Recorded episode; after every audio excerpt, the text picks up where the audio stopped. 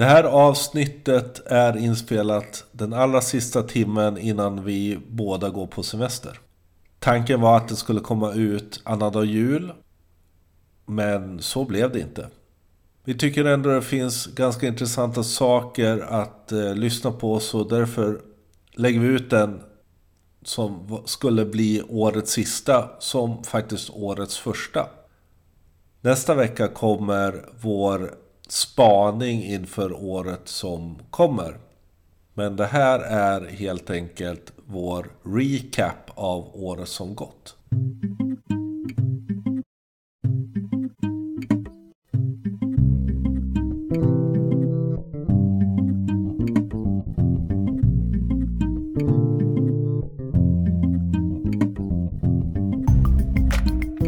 Hej! Det här är faktiskt årets sista podcast och det är vi på Social by Default som vanligt. Och det är jag, Sara Larsson Bernhardt, som tillsammans med Deeped Niklas Strand driver den här podcasten. Podcasten och konceptet Social by Default är ett samarbete mellan Know It Experience och United Power och vill du läsa mer om oss, gå till socialbydefault.se. Har ni frågor till oss eller åsikter om avsnittet? Twittra med hashtaggen socialbydefault eller prata med oss på vår Facebook-sida. Hej Sara! Hej Niklas! Hur är det? Det är bra. Det är... Sista, sista saken vi gör nu.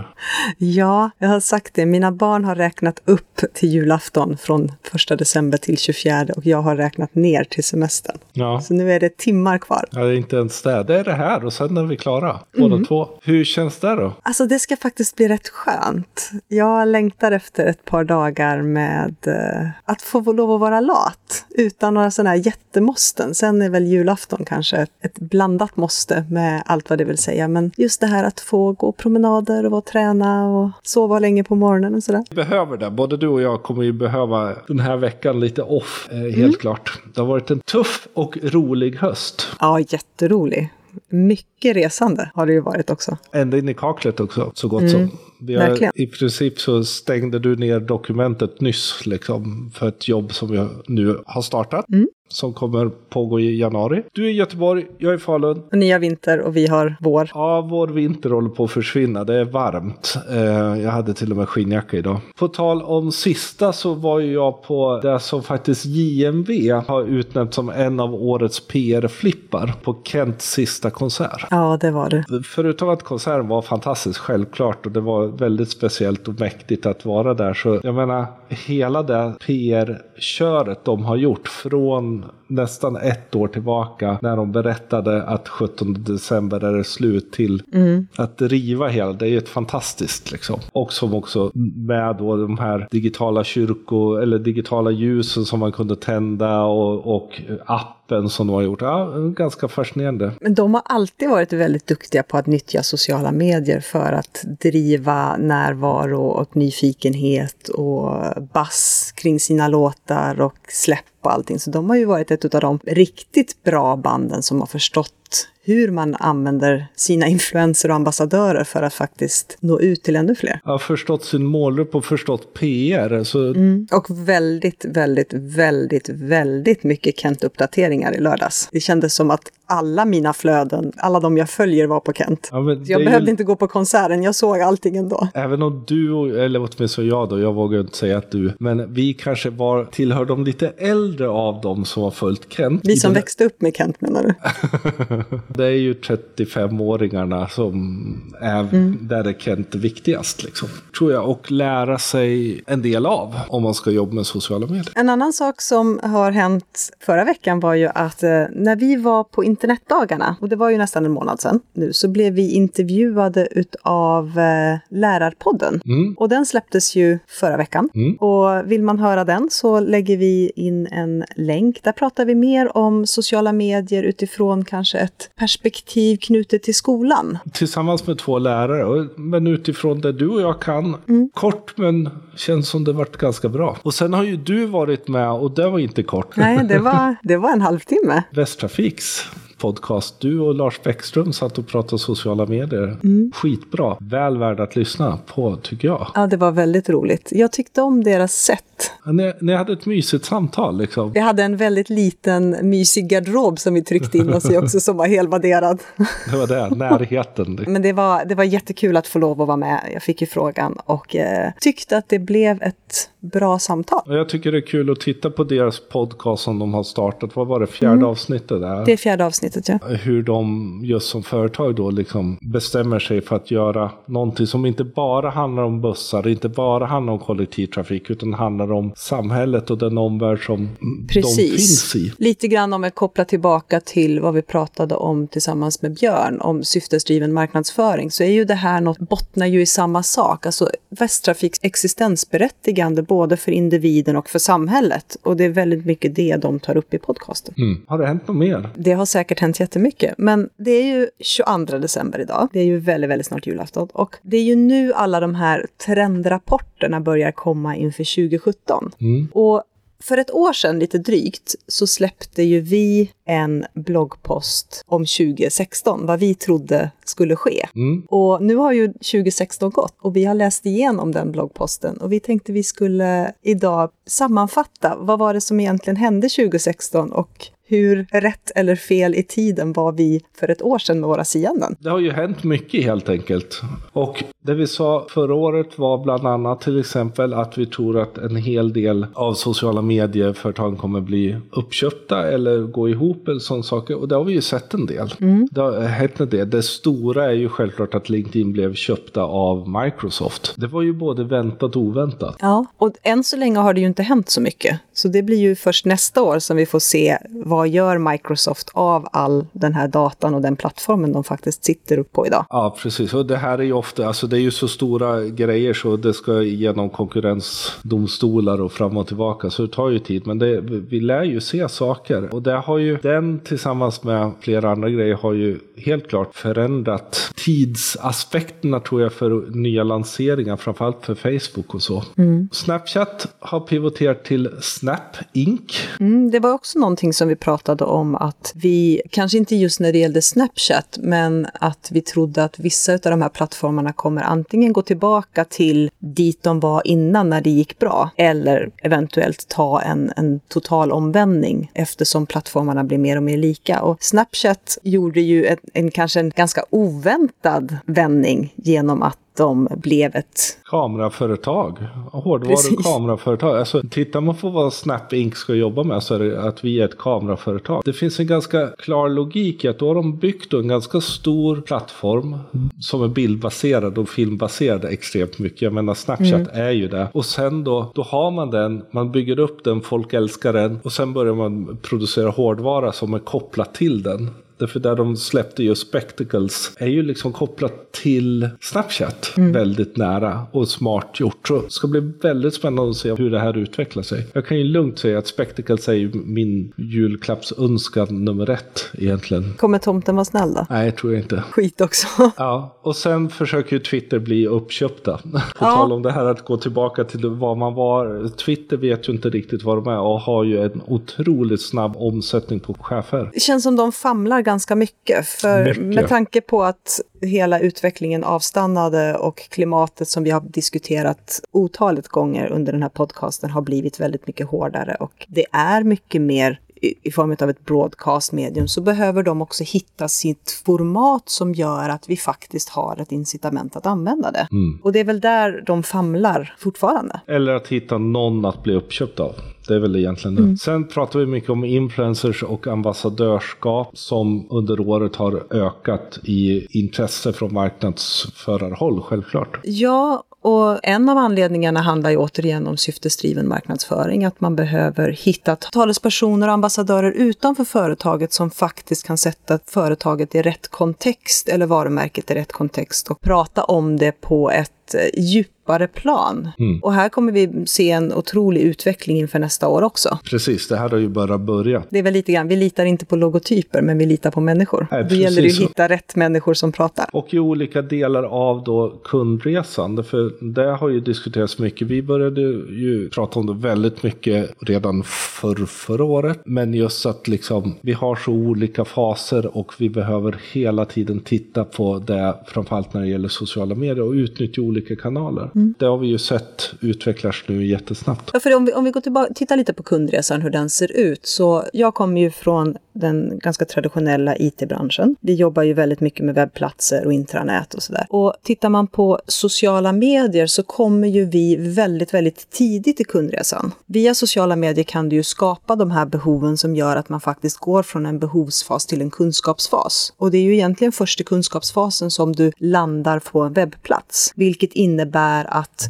om du ska nå folk väldigt tidigt, om du ska skapa de här, skapa nyfikenhet eller väcka behov hos folk för en tjänst eller för en vara eller vad det nu kan vara, så behöver du använda sociala medier och du behöver vara ett socialt varumärke och använda ambassadörer som pratar om det på rätt sätt mm. för att sen kunna driva trafiken. Och den bygger ju också förtroende och tillit. Och det är ju det mm. som är då den purpose branding, socialt varumärke eller syftesdriven marknadsföring som också har varit en ganska stark, det som vi har pratat tycker jag om de senaste podcastarna, mm. väldigt ingående. Och det här kommer ju följa med in i 2017 väldigt, väldigt mycket. Men jag tror att företag eller folk som håller på med kommunikation och marknadsföring kommer bli mycket mer medvetna om just scenarioplanering och fundera på hur kan vi sätta vårt varumärke trovärdigt i rätt kontext utan att riskera och kantra. Mm. Andra saker då? Vi pratar om dialing down och även backlash och den tycker jag ändå vi ser. Vi ser en ganska stark backlash framförallt runt fake news och liknande. Mm. Vissa företag väljer nu att inte finnas överallt hela tiden och försöka utan hitta sina viktiga primärkanaler och sen använder man andra kanaler som mer sekundära, inte så hög frekvens och så. Det tror jag vi kommer få se. Och vi är tvungna att göra det med tanke på att om vi nu ska klara av att göra mer innehåll och bättre innehåll och uppdatera oftare så kan vi inte heller göra det överallt hela tiden. Utan vi måste hitta våra primärkanaler som vi arbetar med en djupare strategi och en högre frekvens och sen våra sekundärkanaler som vi adderar till dem. Och någonting som vi då pratade om i, för tre poddar sen, när vi pratade om strategi, så handlar ju det väldigt mycket om att vi behöver bli bättre på att dels våga välja bort målgrupper i vissa kanaler, att faktiskt se till att vi har kanaler för specifika målgrupper. För vi har sett ganska mycket, tycker jag, genom åren när vi har tittat på en hel del företag och organisationer, att man gör allt för alla överallt. Och det mm. innebär att antingen så behöver man bli extremt duktig på att faktiskt aldrig uppdatera utan att ha en viss targeting på uppdateringen. Alternativt välja bort och jobba mycket mer med köpt. Mm. Alla de delarna, alltså det vi har ofta pratat om, de olika egna kanaler, köpta kanaler, lånade och förtjänade kanaler blir ju än mer viktiga. Inte bara tänka att ja, vi har dem att faktiskt börja arbeta med dem strategiskt och taktiskt. Mm. Och det tycker jag vi ser på de projekt vi har igång nu, att det, idag så är det många så, som kanske har jobbat med dem som faktiskt har jobbat ganska framgångsrikt under några år. Mm. Men som nu börjar se att ja, men nu tappar det eftersom sociala medier förändras och därmed behöver man hjälp att hitta synergierna och hitta de nya delarna. Så mm. spännande mm. år framöver utifrån det som har hänt under åren. Jo men det tror jag, för att de flesta är ganska ganska duktiga generellt på innehåll. Det man behöver våga göra är då att göra innehållet mer tillspetsat för en uttänkt målgrupp. Mm. Och då tror jag också att man kommer se en högre, ett högre engagemang. Och vi har väl kanske gått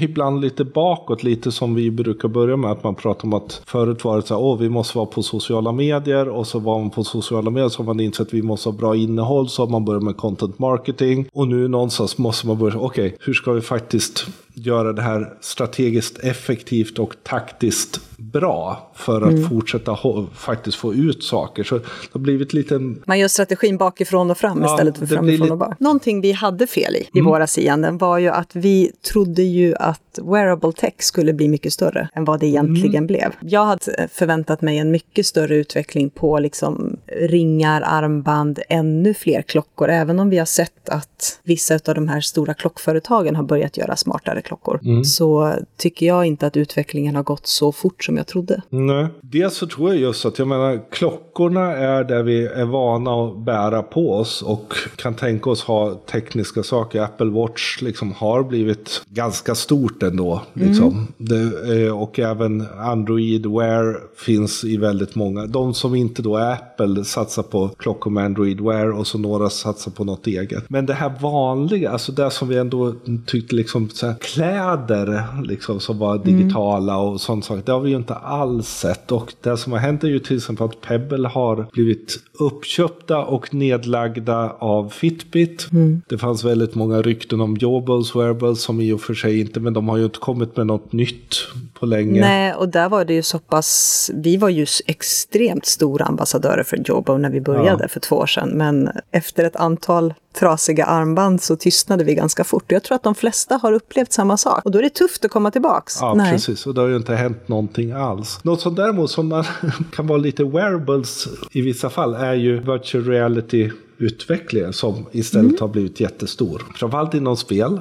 Alla ska ha liksom Playstation. Det finns hur många möjligheter som helst och idag börjar det också bli möjligt att använda med någorlunda vettiga datorer och liknande. Plus att du har telefoner. Samsung har ju satsat jättestort på både VR och 360-utvecklingen. Mm. Vad hände med 360? Jag tyckte att när, när du köpte din kamera så var det jättemycket företag som testade på det. det var, vi såg ganska många uppdateringar där man la in 360-bilder. Du har inte lagt upp på jättelänge, jag har inte sett något företag. Fast det händer nu. Alltså Facebook släppte upp så att man också kan göra 360 live. Ganska många spelföretag gör. Våra kompisar Spox Family har varit nere och jobbat med Blizzard och gjort 360-filmer. Igår släppte Casey Neistat en, en film som är 360-filmen där han har byggt en drone som typ så han, han flög flyger. Som en... Ja, precis. I tomtedräkt eller något sånt där va? Så det, det är stort. Jag menar 360 blev, eller VR-glasögonen som ju egentligen är för 360, de flesta, är, är ju liksom årets julklapp och så. Så jag tror vi kommer se väldigt mycket mer. Problemet är ju helt enkelt att de kameror som jag har och de första var ju lite halvcrappy kvalitet liksom. På tal om Casey Neistat då, för vi nämnde ju för ett par podcast sen att han slutade vlogga varje dag. Mm. Jag tror aldrig vi plockade upp tråden. Vad är det han ska göra istället? Beam, som ju är hans företag, eller som är ett socialt nätverk där man tar film väldigt kort, blev liksom ganska litet sådär, är köpt mm. av CNN. Så han är nu så att säga en del av CNN delvis, men fortfarande sig själv. Sen fortsätter han göra då filmer som är lite så större grejer tillsammans med Samsung, och, som den här filmen och sådana saker. Så vi kommer nog inte se väl en hel del mer av Casey Neistat, men kanske inte på samma sätt som förut. Och på tal om, om vloggare då, så har vi ju upptäckt att YouTube har ju vuxit extremt mycket under 2016. Mm. Någonting som vi förutspådde också i början av året. Mm. Där Pewdiepie prankade i princip hela världen genom att säga att jag tänker lägga ner min kanal. Och satte vilken tid han skulle göra det. Alla satt och väntade på det. Han la ner sin kanal. Det var bara att han la ner sin andra kanal. Mm, och där har ju du och jag lite olika syn på om vi tyckte det var roligt eller inte. Jag tyckte att det var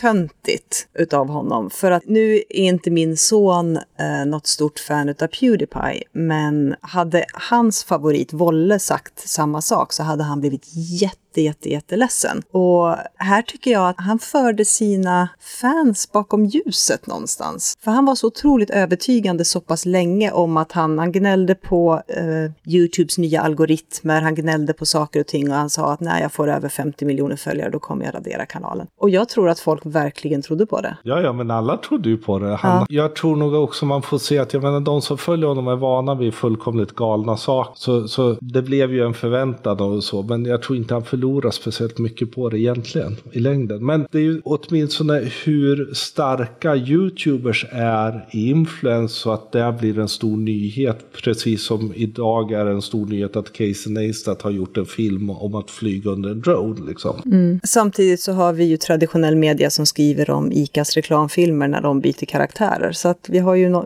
vi har ju någonstans en annan marknad idag. Jo, men i det fallet så är ju det en del av den traditionella mediemarknaden. Så här, reklam i tv är ju liksom en del av media. Men, men just att YouTube har en så pass stort genomslag framöver tror jag vi behöver tänka in. Men tillbaka till VR så har vi också det här att faktiskt eh, AR, augmented reality, där såg vi Pokémon Go. Mm. Så, som ju blev socialt utifrån att man faktiskt träffade folk när man var ute och gick. Smällde ju till ganska mycket. Det gjorde det och nu har det gått drygt sex månader sedan lansering. Mm. Och det har blivit vinter och det har blivit kallt och det har väl egentligen inte hänt särskilt mycket med spelet. De har släppt upp några få funktioner och mm. nu några Pokémons. Och jag tror att gör de inte någonting nu så kommer det dala ännu mer. Så någonstans så saknas ju fortfarande den sociala aspekten i spelet. Mm. Om det så är att man kan byta Pokémons med varandra eller köpa saker eller skicka meddelanden så saknas ju den verkligen. Och den tror jag blir viktig och viktig. Kommer de inte göra någonting åt det så kommer de till slut bli väldigt ointressanta.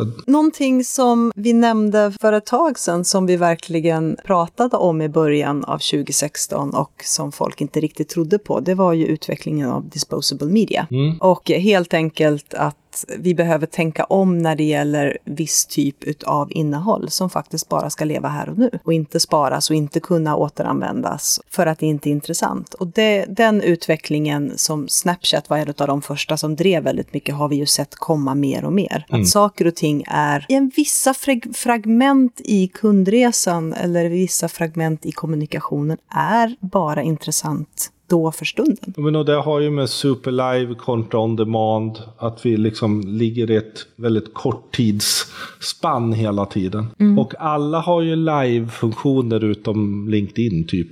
Som Nej, men något. den får väl komma förhoppningsvis. Det är ju kanske en av de kanaler som är viktigast att ha en live. Nej, så, så ja, men Snapchat och LinkedIn har inte live. Men däremot så Facebook har det, Instagram har det, Twitter har ju implementerat Periscope helt i Twitter nu. Mm. Och sen har vi ju alltså den här Instagram stories som är då Snapchat. Men idag tycker jag ju då, till och med de är bättre eftersom man kan köra handsfree. Och sen så släppte de ju upp Min dag i Messenger som också är ju en sån 24 timmars grej. Mm. Jag tror ju inte att det kommer bli mindre av det. En del säger ja men det gör de nu och så kommer det försvinna därför vi vill inte ha det. Ja men jo, vi vill ju ha det. Mm. Man vill ju se på saker samtidigt också. Live är, bygger ju på det lite. Liksom. Det är ju tillbaka till lägerelden. Ja. Och om vi då pratar om utveckling på plattformar så den plattform som under 2016 har utvecklats allra, allra mest är ju just Instagram. För om ni tänker tillbaka på hur era Instagramflöden såg ut i början på 2016 och hur Instagram ser ut idag så är det i stort sett en helt ny plattform. De har alltså under året gått från 15 sekunders filmer till en minuters filmer, alltså helt plötsligt plockat in en större del rörligt. Sen precis som du nämnde, plockat upp Instagram stories, disposable media-biten, visserligen tagen från Snapchat men ändå, och så nu har de implementerat live och du kan dessutom både skicka story-funktionen till enskilda personer, DM-funktionen har blivit mycket, mycket mer mm. använd ja, än man gjorde tidigare. Liksom. Så att den har ju transformerats och jag är mer på Instagram idag igen än vad jag var förut. Jag har liksom hittat ett, fått en åter... Mm. Och har blivit en egen plattform mm. på ett helt annat sätt. Ja, men förut var det någon som ja men där var bilderna och så hade man något Facebook för något annat och sådär. Idag är Instagram väldigt, väldigt mycket en egen plattform mm. som du kan göra väldigt många saker på. Facebook har ju också utvecklats jättemycket egentligen under året. Genom att de har dels släppt då Messenger som egen plattform. Mm. Idag har vi ju ett gäng olika appar för Facebook. Jag menar det är Messenger som är en egen plattform som är delvis kopplad till grupper som är delvis en egen plattform och så vidare. Och så i det här så plockar de upp då, släpper upp Workplace som en egen plattform, men en del av Facebook-sfären. Precis i dagarna släppte de väl också upp möjligheten att ha telefonkonf- grupptelefonkonferenser via Messenger. Så Messenger mm. blir ju liksom en egen plattform i sig som är relativt, inte en avknoppning från Facebook. Så Facebook, Facebook är en sak, Messenger är en sak, Instagram är, är liksom en egen, alla är egna plattformar. Och där man då adderar då Marketplace som är en sorts Blocket-funktionalitet framöver, olika e-handelsdelar, botar och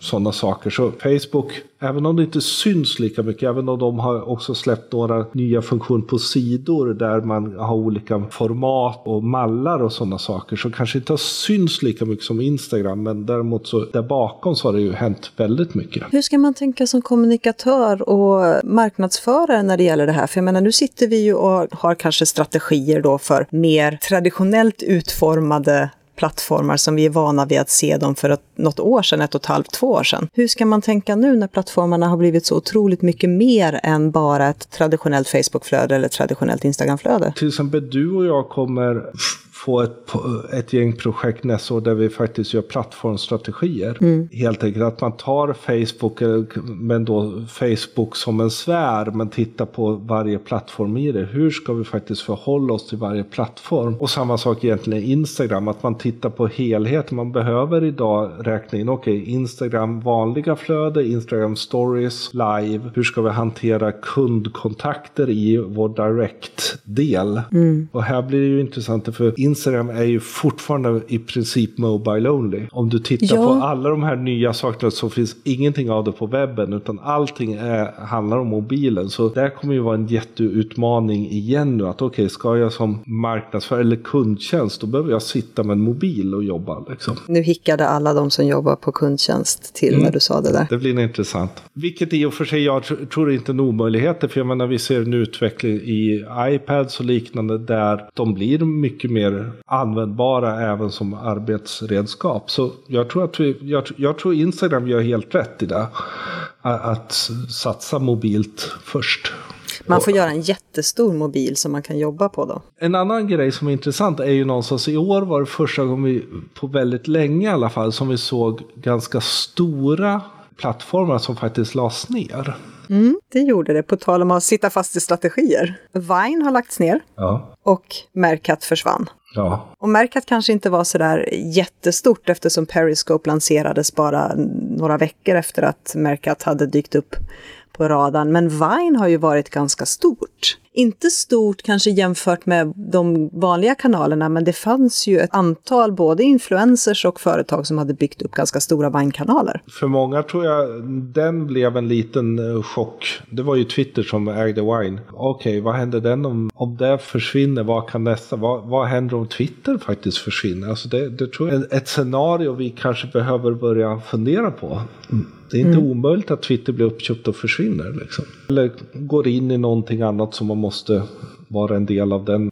Sen är det ju några nätverk som har kommit som eh, kanske inte har försvunnit helt, men som ligger och snurrar i någon egen nisch. Peach är väl ett av de exemplen där vi alla var i början och sen är det några få som har stannat kvar. Fortfarande så dyker det upp, får ju vi frågor, ja men är det här det nya som kommer efter Facebook? Och vårt standardsvar är nej. Och vi har hittills haft väldigt rätt. Och jag menar, idag, det är helt meningslöst egentligen att ställa frågan så. Jag menar, däremot är det ett nätverk som man ser att man har sin målgrupp och sånt, ja men då kanske man kan använda det och titta på det. Men det kommer inte komma något som är, de måste vara så annorlunda. Alltså det måste vara Snapchat annorlunda liksom. Mm. Och vi kommer ju prata om det i nästa podcast som kommer ut i början av 2017. Eh, lite grann om de här nya typerna av kanaler som man faktiskt behöver tänka till och tänka om runt när det gäller sin sociala mediepalett. Och en, en av de kanalerna som vi också har poddat om var ju Musical.ly som släpptes egentligen en betaversion i april redan 2014 men som tog otrolig fart nu under 2016. Där eh, de i juli hade strax över 90 miljoner registrerade användare. Väldigt unga, majoriteten tjejer, men där det snurrar på över 12 miljoner nya videos varje dag. Mm. Och det här är ju intressant för vissa företag. Att just hitta, kan vi använda och nyttja influenser här för att faktiskt nå millennials som alla pratar om? Och musikbranschen är ju där och en del mode har ju tittat in där. Så helt klart, och det kommer vi prata just om nischade och P2P. Därför det är ju de två som vi kommer se vara den stora utmaningen under nästa år. Mm. Men det blir nästa gång. För nu Precis. har vi pratat ett tag. Och nu är det dags för dig snart att packa ihop och gå hem till jul. Ha semester. Ja, ja det ska bli skönt. Men jag hoppas att ni tyckte om vår sammanfattning av 2016. Jag vet inte hur det är med er, men vi ser otroligt mycket fram emot ett spännande 2017. Så tack för idag.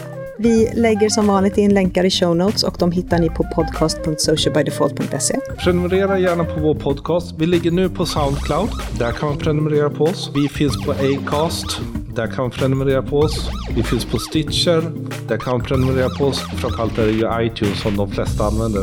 Och självklart, prenumerera på oss så missar ni inte när vi kommer tillbaka efter nyår. Och som vi tidigare sagt, tyck till med hashtaggen socialbydefault och vill ni nå oss på Twitter och Instagram så heter jag Sanna C. LB överallt. Och jag heter Deeped. Så god jul på er och gott nytt år och tack för i år så ses vi i början av 2017. Ciao! Hej då!